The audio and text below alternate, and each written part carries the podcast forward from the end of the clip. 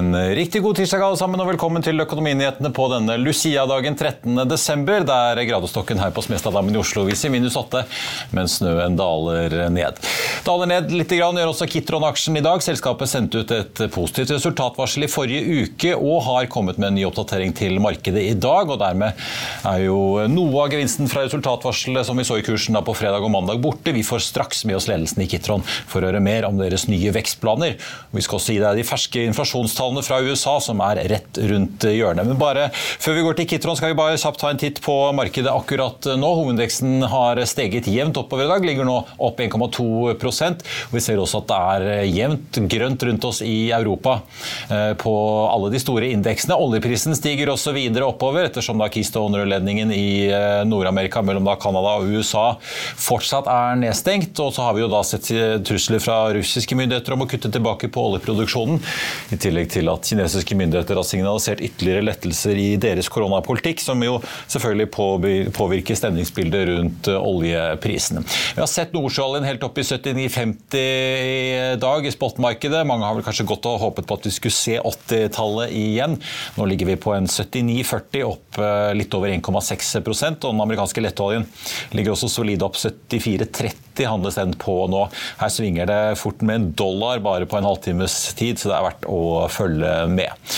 På Wall Street eh, så endte vi jo i pluss i går, da, like før disse inflasjonstallene som vi venter på nå hvert øyeblikk. Dow Jones endte opp nesten 1,6% 1,4 på SNP og Nasdaq 1,3 Futuresene peker også mot en oppgang da på dagens marked, eh, før vi da i hvert fall vet disse KPI-tallene. Wilco Drilling svinger også kraftig. De skal jo da tas av Oslo Børs på hovedlisten og overføres til Euronex Growth. De falt jo 27% på mandag, men tikker oppover en rundt 3 i dag. Og så er det jo fortsatt spenning i tankmarkedet og rundt da Frontline og Euronav, ettersom den belgiske Savaris-familien har eh, bladd opp ytterligere penger for å kjøpe seg ytterligere opp i Euronav. Nå sitter de med over 25% eierandel i tankrederiet, som altså Jon Fredriksen og andre ønsker å slå sammen med Frontline, men Savaris-familien ønsker ikke noe sammenslåing av deres eh, Euronav. Frontline ligger opp 0,4 i dag. Og Så får vi også ta med panteutfordreren til Tomra. En Vipco har da hentet 15 millioner euro i en rettet emisjon. Det kom da frem en melding at de ville hente penger eh, på tampen av gårsdagen. I morges kom bekreftelsen på at pengene er hentet.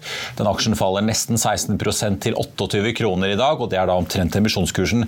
De 15 millionene euroene ble hentet til 2,66 euro aksjen. Det er da omtrent 28,1 kroner eh, per aksje, i hvert fall med dagens eh, eurokurs. Vil du bli oppdatert på det viktigste som har skjedd innen finans og næringsliv? Da er det bare å følge med, for hver morgen er jeg, Marius Lorentzen og aksjekommentator Karl Johan Malnes på plass i studio for å ta tempen på dagens marked i Børsmorgen. Og hver ettermiddag oppsummerer vi alt du trenger å vite i Økonominyhetene, og det blir selvfølgelig masse interessante gjester. Klikk deg inn på fa.no-tv, eller søk opp Børsmorgen og Økonominyhetene der du hører på podkast. I'll see you in court. Vi sier det ofte litt på spøk, men for deg som driver business, er det aldri moro å innse at du ikke har laget en 100% gyldig kontrakt. Du bør ikke risikere hele firmaet ditt fordi du synes dette med kontrakter er litt stress. En avtale er ikke en avtale. Du kan miste kunder, miste venner, ja, til og med miste inntekter om du ikke lager en skikkelig kontrakt, på alt mulig, egentlig. Men vi vet det er et styr. Kopimaskiner, tregprinter og haugevis av papir. Dessuten stoler vi jo på folk her i landet. Det er ofte litt kleint å skulle be om en signatur for alt mulig, ja, for mye av styret handler også om jakten på underskriften. Det finnes en enkel måte å løse dette på, Dukkobit, en trygg, effektiv og get this, gratis måte å sikre seg en god natts søvn pluss en juridisk bindende avtale. Dukkobit-appen har de strengeste sikkerhetskrav i bunn, samt en EU-godkjent og sertifisert teknologi. Framover vil det bli behagelig å spørre du, skal vi skrive under på det, eller? Kom i gang på dokobit.no.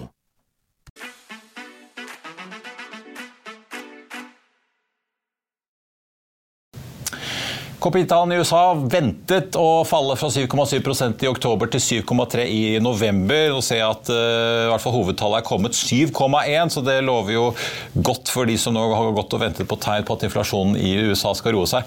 Vi kommer straks tilbake til det, men jeg vil kaste meg over også Kitron, som altså forrige torsdag klinket til og oppdaterte sine økonomiske utsikter for 2022 som følge av stor etterspørsel og ytterligere lettelser i forsyningsbegrensene i verdikjedene. Og har jo nesten blitt tradisjon at eh, Kitron må ut og oppjustere guidingen sin i år. Og i dag klinker selskapet til med nye mål og mener de skal nå da en omsetning på over 10 milliarder kroner i 2027. Det, det er en vekst på over 50 Konsernsjef eh, Peter Nilsson og finansdirektør eh, Katrin Nylander, velkommen. Takk, takk, takk. Takk for at dere er med oss. Jeg tenkte kanskje vi skulle begynne litt med hva dere ser, i og med at dere nå nok en gang har oppjustert deres egne prognoser som dere går ut med markedet. Er det, er det, det at markedet og ting endrer seg så fort at dere stadig må komme med disse endringene? Ja, det er, ju, det är ju lättnader på komponentmarknaden. Vi ser att vi får, vi får in mer komponenter än vi hade förväntat oss. Det har varit mycket svårt tidigare i år. Det blev lite lättare i Q3 och nu i Q4 ännu lättare. Och då har vi ett uppdämt behov av, av stora, stora kundbehov som, som rullar ut. Dere økte jo da, da regner dere jo med ca. 6,5 milliarder i uh, omsetning i år. Driftsresultat på rundt uh, eh, 450 millioner uh, kroner. Mm. Så kommer dere da med 2023-tall. Da regner dere med en ganske kraftig økning. Da kan vi se over 7 milliarder-tallet. Og så da 10 i 2027 på organisk. altså Dere skal vokse dette på egen basis. Kanskje vi bare skal begynne med det. Den kraftige veksten bare til neste år, er det basert på ordreboken som ligger inne? Eller eh, avtaler dere nå signerer, eller? Nej, det är baserat på den orderbok vi har inne nu. Och sen så har vi också justerat kanske ner lite grann för att vara lite försiktiga i Outlook. Vi har en mycket stark orderbok. Hvor, kan dere si litt om hvor dere ser? For at dere skal nå da 10 milliarder. Det er jo en vekst på over 50% fra de nivåene dere signaliserer i år. Er det, hvor, hvilke segmenter dere leverer til forsvarsindustrien, medisinsk utstyr? Er det noe spesielt som peker seg ut? Ja, det är ju inte mer än faktiskt 10 procent per år och det är ju det vi har lyckats leverera de tidigare fem åren. Har vi faktiskt levererat runt 12 procent per år. Så 10 procent, det, det, tycker vi, det klarar vi av att växa organiskt med de resurser och den kostnad som det innebär att växa så. Framförallt det som driver här nu, så vi har en starkare utveckling på försvarssidan under de här kommande fem åren. Så där har vi höjt vår outlook från 3 procent, 3 till 5 procent växt till 10 procent per år. Sen har vi också fokuserat väldigt kraftigt på, på elektrifieringssidan eh, av industrin. Så väldigt mycket e-mobility, Eh, energy storage, både för, för maritime och landbaserat. De produkterna och de kategorierna växer också väldigt snabbt. Connectivity, alltså koppla ihop produkter och elektronik från alla branscher, från medtech till defense till industriprodukter. Det driver utvecklingen fantastiskt på, på hela marknaden. Kan dere si litt om hvordan dere skal nå disse marginene? da? Jeg ser Hvis man, hvis man på en måte tar maksimalt driftsresultat i den guidingen dere gir, og den minste omsetningen, så, man, så kan man maksimalt komme til 7,3 i år. 8,2 eh, neste år. Er det, er det, at dere blir mer effektive, at dere får løst opp i en del av de eh, verdikjedeutfordringene som har vært, Katrin? Eller klarer dere faktisk å få økt pris ut fra kunden også? Det er en eh, samling av alt, alt det samme. vi får mer volym ut, vi kan ha større skalfordeler, og vi vet at vi har viss ineffektivitet som vi har haft nå i år som vi klarer å bli av med inntil neste år. Eh, fordi vi har høyere volym. Så vi tror det skal gå bra. Nå er jo dette mye organisk vekst, da, men hva, hva, hva planlegger dere egentlig rundt M&A fremover? For det kan jo da, Peter, gi en vekst da utover de rundt 10% per år som du signaliserer her? Ja, i tidigare eh, strategisk period har vi gjort två M&As. Et ett eh, carve-out från ett bolag i USA och sen en, en, en, en, competitor här i Europa från Danmark, BB Electronics. Det gjorde vi förra året. Så det är väl mer att vi tittar på att göra mer av den senare, jobba mer med bolag i vår bransch redan. Och nu finns det väl utrymme för ett par miljarder växt i M&A under den här horisonten fram till 2027. Mm. Det är vår plan. Nu främst tittar vi faktiskt på eh, eh, Sydostasien utanför Kina där vi tittar ja. på att etablera mer kapacitet. Ja, for Kapasitet er et nøkkelord. Det skjer jo mye i deres bransje. Vi ser jo en del av disse chipmakerne etablerer enorme fabrikkanlegg i USA nå, bl.a. Vi, vi så Taiwan Semi hadde Det var vel andre fabrikkanlegg i, i Arizona nå. Titalls milliarder dollar investeres. Samsung, eh, altså hele gjengen omtrent. På, altså, hvordan påvirker det dette endrede spillet dere? Ja, det, det, vi ser mer og mer regionalisering. Inte kanskje at man flytter hjem produksjon til Hjemmemarkedet for mange er jo f.eks. hele Europa eller hela Nordamerika eller hele Asien. Så da er det viktig å ha produksjonsressurser på alle de, alle de tre regionerna. Och vi, vi växer ju kraftigt produktionsresurserna i Europa. Vi, har starka, vi är starka redan i Norden eh, och, och, mycket starka i Östeuropa. Där ser vi att vi behöver växa än lite mer. Då behöver vi förstärka oss lite mer i Asien utanför Kina. Vi har bra, vi har bra produktionsanläggningar, har bra kapacitet i Nordamerika. Så där klarar vi av att växa som, som det ser ut idag. Ja, så Investeringen i økt kapasitet hos dere de kommer da Norden, Litauen og Asia primært? da? Ja, ja precis. Ja. Eh, nå har vi jo sett, eh, Alle som leser børsmeldingene deres, vet jo at eh, en stor kunde av dere er jo Kongsberg Gruppen. Nå ser vi jo, De svever jo veldig på denne trenden med økt pengebruk på forsvar. Vi har sett nå Romania og Nederland bestille NSM-missiler fra, fra Kongsberg Gruppen. Hvor viktig er Kongsberg Gruppen versus andre selskaper i forsvarssegmentet for dere? Ja, Kongsberg Gruppen er jo en, er en, ligger på topp fem-listen Eh, för Kitron som, som kund. Nu har vi ju ingen kund som är större än 10 men, men Kongsberg pendlar där mellan ja, andra, tredje plats för oss någonstans. Eh, stadigvarande. Så att Kongsberg är en mycket viktig kund.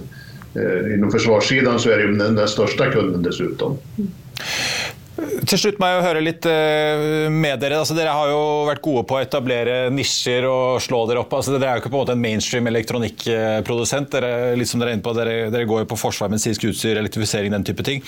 Men nå som uh, verdikjeden har vært presset, vi har ganske fortsatt høy inflasjon, uh, åpenbart dere må gjøre investeringer i å øke kapasiteten. Er det noe dere prioriterer ned? Er det noen segmenter som dere vil drive mindre med for å kunne løfte raskere opp andre segmenter?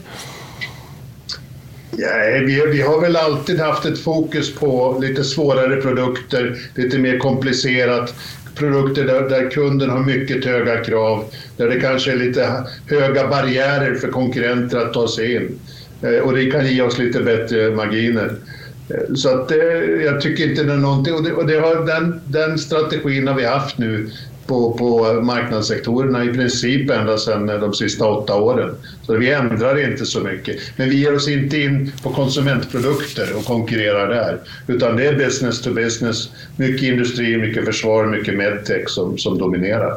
Ja. Eh, men er det sånn, her ser dere for dere å kunne øke produksjonskapasiteten i Norge også nå? Dere har jo anlegg like ved Arendal f.eks.?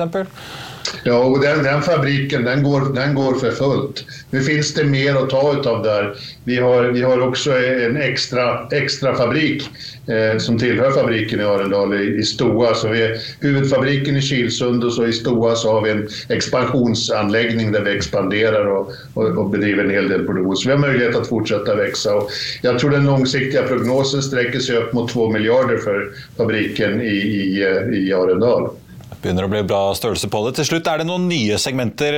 Dere nevnte jo at dere har jo en M&A-strategi her på litt selektive ting som er interessant for dere, men kan vi komme til å se at dere går inn i nye segmenter utover forsvar, medisinsk og en del av de industrisegmentene dere er i? Jeg tror ikke i kommande kommende nu så, så holder vi oss til de connectivity og elektrifiering det är de som, som växer snabbast och där utvecklas vi bäst. Vi får se, det beror på hur teknikutvecklingen ser ut. Vi är ganska snabba på att ställa om och hoppa på nya saker också. Men det ska vara någonting som ger oss bra marginer, som är bra växt och någonting där vi känner oss komfortabla med vår, med vår kompetens. Ja. Eh, til slutt da, Hva er det dere ser på som de største utfordringene eller utmaningene for å, å nå disse målene deres, og faktisk da klare å vokse såpass eh, fremover og opprettholde den takten som dere har hatt på en ungefær 10% i året? Jeg tror vi kjenner oss vel mer konfidenta nå enn hva vi gjorde for åtte år siden när vi startet denne här resan. Mm. Da kjentes det som en, som en drøm langt borte å nå tre milliarder. Mm. Och, och när, när, när, 2020 kom då vi skulle ha 3 miljarder, ja då hade vi 4 miljarder. Ja. Så nu känner vi väl oss att, att det här är väl inte så stor grej, det här fixar vi.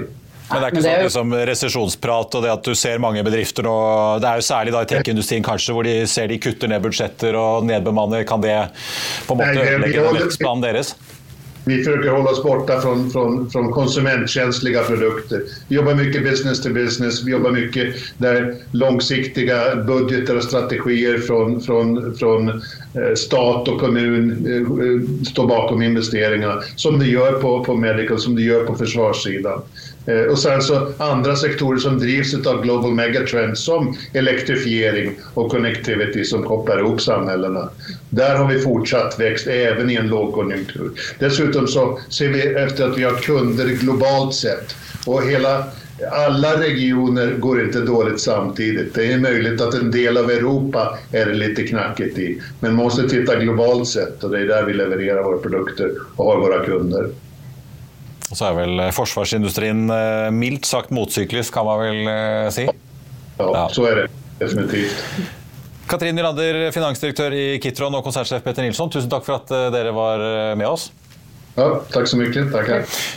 Fra Kitron skal vi til dagens aksjetips, som skal handle om en mulig trygg havn på Oslo Børs. Bare se her. Markedene er usikre, og i morgen og torsdag vil være kjempeviktige dager for bevegelsene i markedet framover. Spørsmålet er hvor skal du legge pengene dine nå? Tom Erik Kristiansen i Pareto Securities han har funnet én aksje som kan fungere som en trygg havn. Til tross for at oljeprisen har stupt i det siste, så tror Kristiansen likevel at Aker BP kan stige til nær all time high-nivåer igjen. I en fersk analyse nedjusterer han kursmålet eh, til 400 kroner, men han gjentar kjøp. Kristiansen skriver i sin analyse at driftskostnaden på 7 dollar per fat gir en robusthet som er uten like gjennom ustabile tider. Han tror også at kapitalmarkedsdagen eh, som skjer 8.2 vil være en positiv trigger, og ser flere utbytter enn det som er meldt for neste år. Kursmålet gir en oppside på 25% fra kursen i dag, og vil sende aksjen opp nær eh, all time high i år på 407 kroner, som vi så i sommer.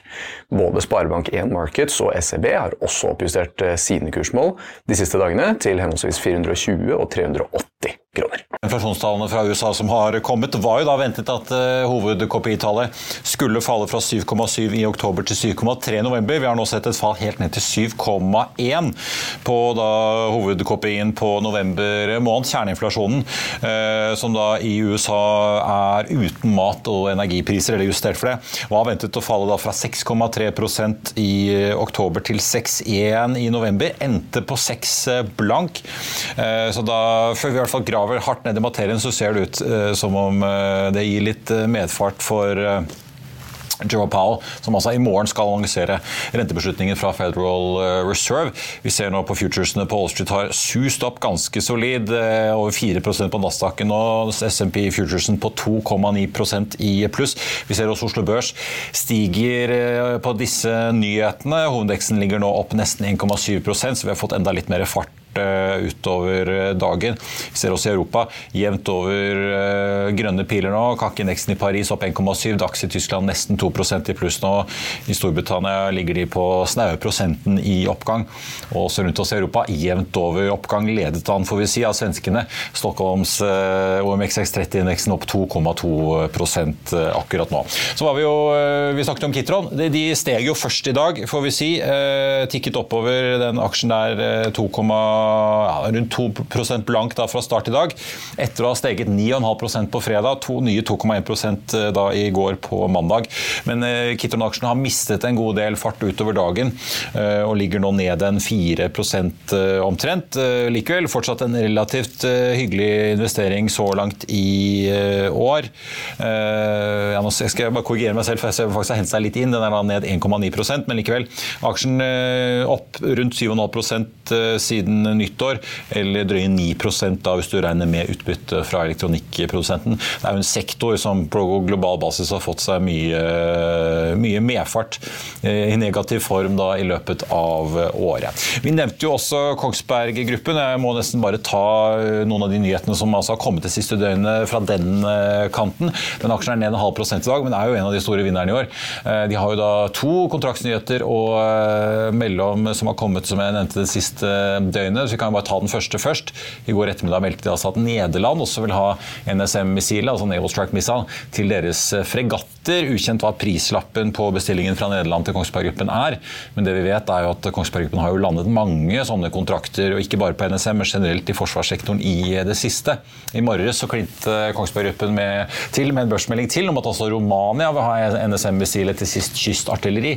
Og den kontrakten er oppgitt til å være på 1,35 milliarder. Tilbake i november så klinket jo Storbritannia til og valgte NSM-missilet, og USA kom med en eh, påfyll på deres eh, store rammeavtale som ble annonsert tilbake i 2018 på nesten 8 milliarder eh, kroner. I november fylte de på med 328 millioner til. Og spoler vi klokken tilbake til september, så kom nyheten om at Spania skulle ha NSM, og i juli så klinket Australia til med en bestilling på en halv milliard nesten for NSM-missiler. og Norge har jo NSM-missiler fra før, og Tyskland vet vi også skal ha eh, NSM-missiler i forbindelse med en større avtale hvor da Norge kjøper tyske ubåter til eh, marinen vår.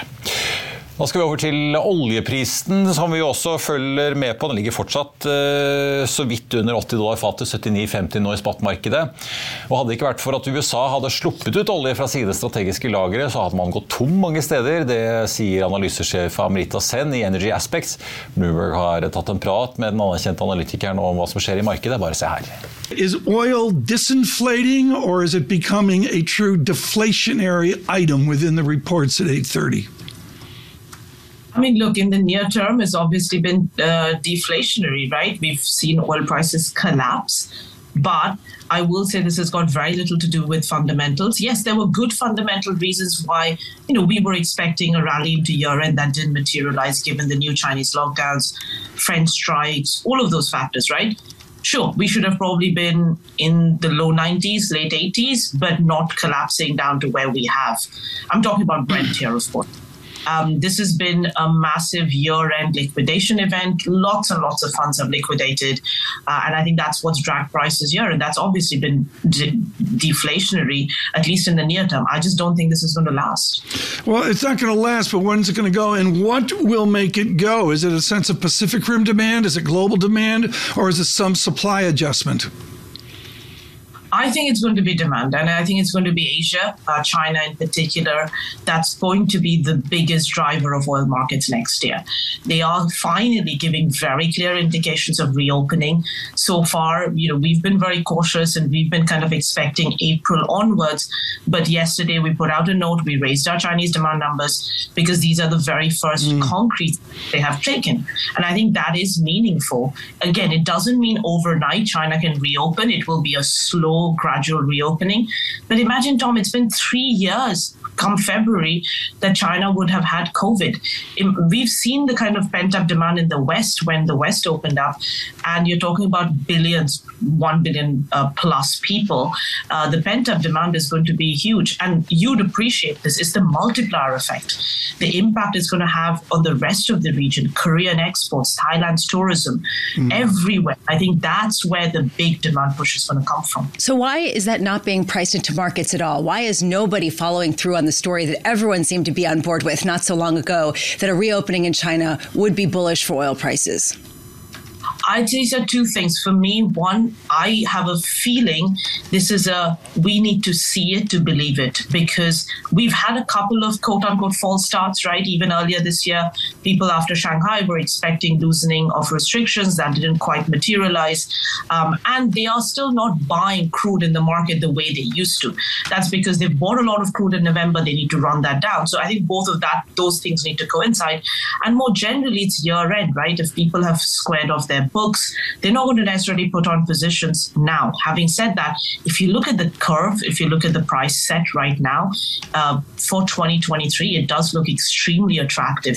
You don't need major supply losses to tighten this market up. Just the end of the SPR and China reopening uh, does provide some huge, huge bull cases uh, for next year. Yeah, I was going to say the uh, Strategic Petroleum Reserve releases are still ongoing. The last one having uh, just been finished with respect to the distribution. How much has that influenced the price? Hugely. If you take a step back this year, what has actually happened is that we haven't lost much oil at all from the Russian invasion, right? Because the embargo has just only kicked in. Uh, since the invasion, we have had 270 million barrels of global SPR released and maybe half a million barrels of day of Russian losses. So you can do the numbers. And yet, commercial inventories, yes, we've built, but only built by about 150 million barrels. So had it not been for the strategic petroleum reserves, we would have run out of oil in several places. Hva har du ønsker om aksjer vi skal analysere, send en e-post til tvtips.finansavisen.no. Der tar vi selvfølgelig også imot ris og ros og forslag til gjester og annet vi skal eh, se nærmere på. Kitron-aksjen ned halvannen prosent nå, var jo opp et par prosent på det meste, den har svingt lite grann etter, selskap, eh, etter selskapets kapitalmarkedsoppdatering eh, som var klokken ni i dag. Vi snakket jo akkurat med, med konsernsjefen og finansdirektøren.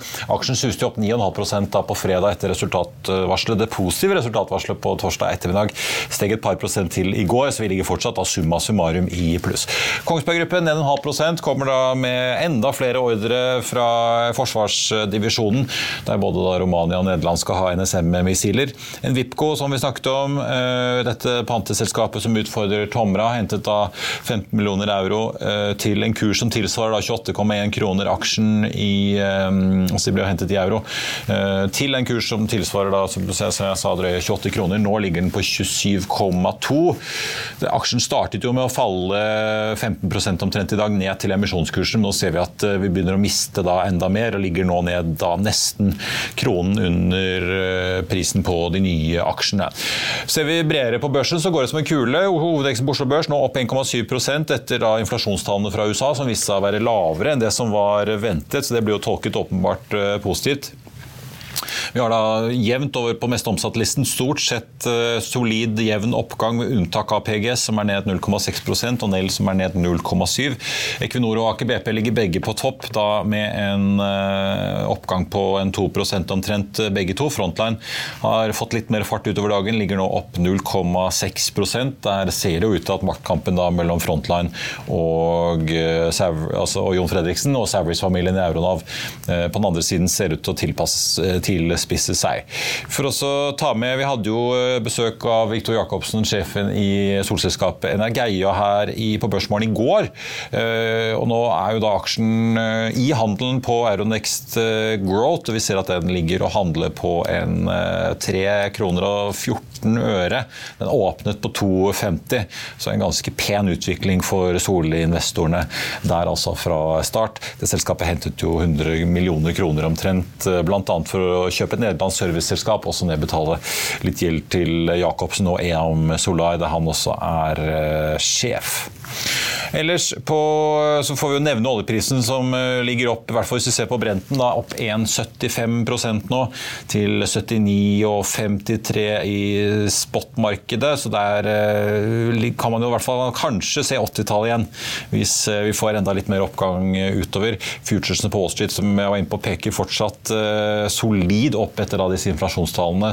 Så når handelen kommer i gang om en 33 minutter, så kan det bli riktig så hyggelig ser det i hvert fall ut som eh, nå. På tampen så må jeg også få med en liten eh, nyhet fra oljesektoren i eh, dag. Det ble innlevert en såkalt PUD, utbyggingsplan eh, for Dvalin Nord-feltet, til olje- og energiminister Terje Aasland i dag. Dette er det største funnet som ble gjort på norsk sokkel i 2021, ifølge operatøren Wintershall, og inneholder da gass tilsvarende 84 millioner fat olje. Wintershall skal sammen med partnerne Petoro og Hightech Vision eide Sval Energi bruke 8 milliarder kroner på å bygge ut denne satellitten Norskhavet, som etter planen skal starte produksjonen i 2026 og gi økt norsk gasseksport ned til eh, kontinentet. Feltet skal kobles opp mot Heidrun-plattformen til Equinor, så da får vi jo ønske partnerne lykke til i den eh, utbyggingen, som har gått da, som eh, dere skjønner, ganske fort fra funn til levering av utbyggingsplan og sanksjonering. Og Dermed rekker de også da akkurat fristen i skatte, oljeskattepakken, som altså går ut ved nyttår.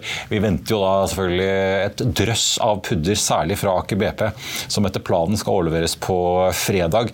Aker Solutions har skrevet i en børsmelding at de venter ordrer fra Aker BP på 45 milliarder kroner nå bare i desember.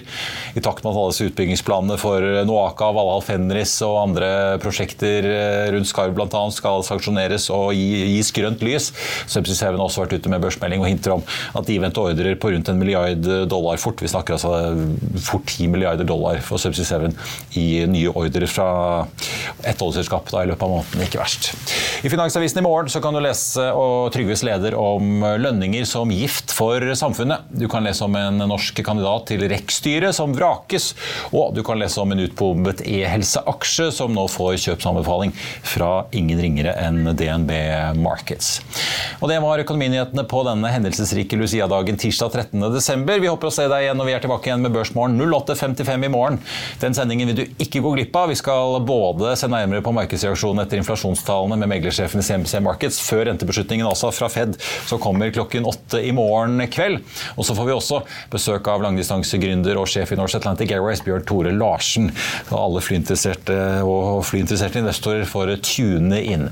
Åpningen og utviklingen på Wall utover kvelden den kan du følge på F1.no. Mitt navn er Marius Lorentzen. Takk for følget, alle sammen. Ha en riktig god dag videre, og så ses vi i morgen.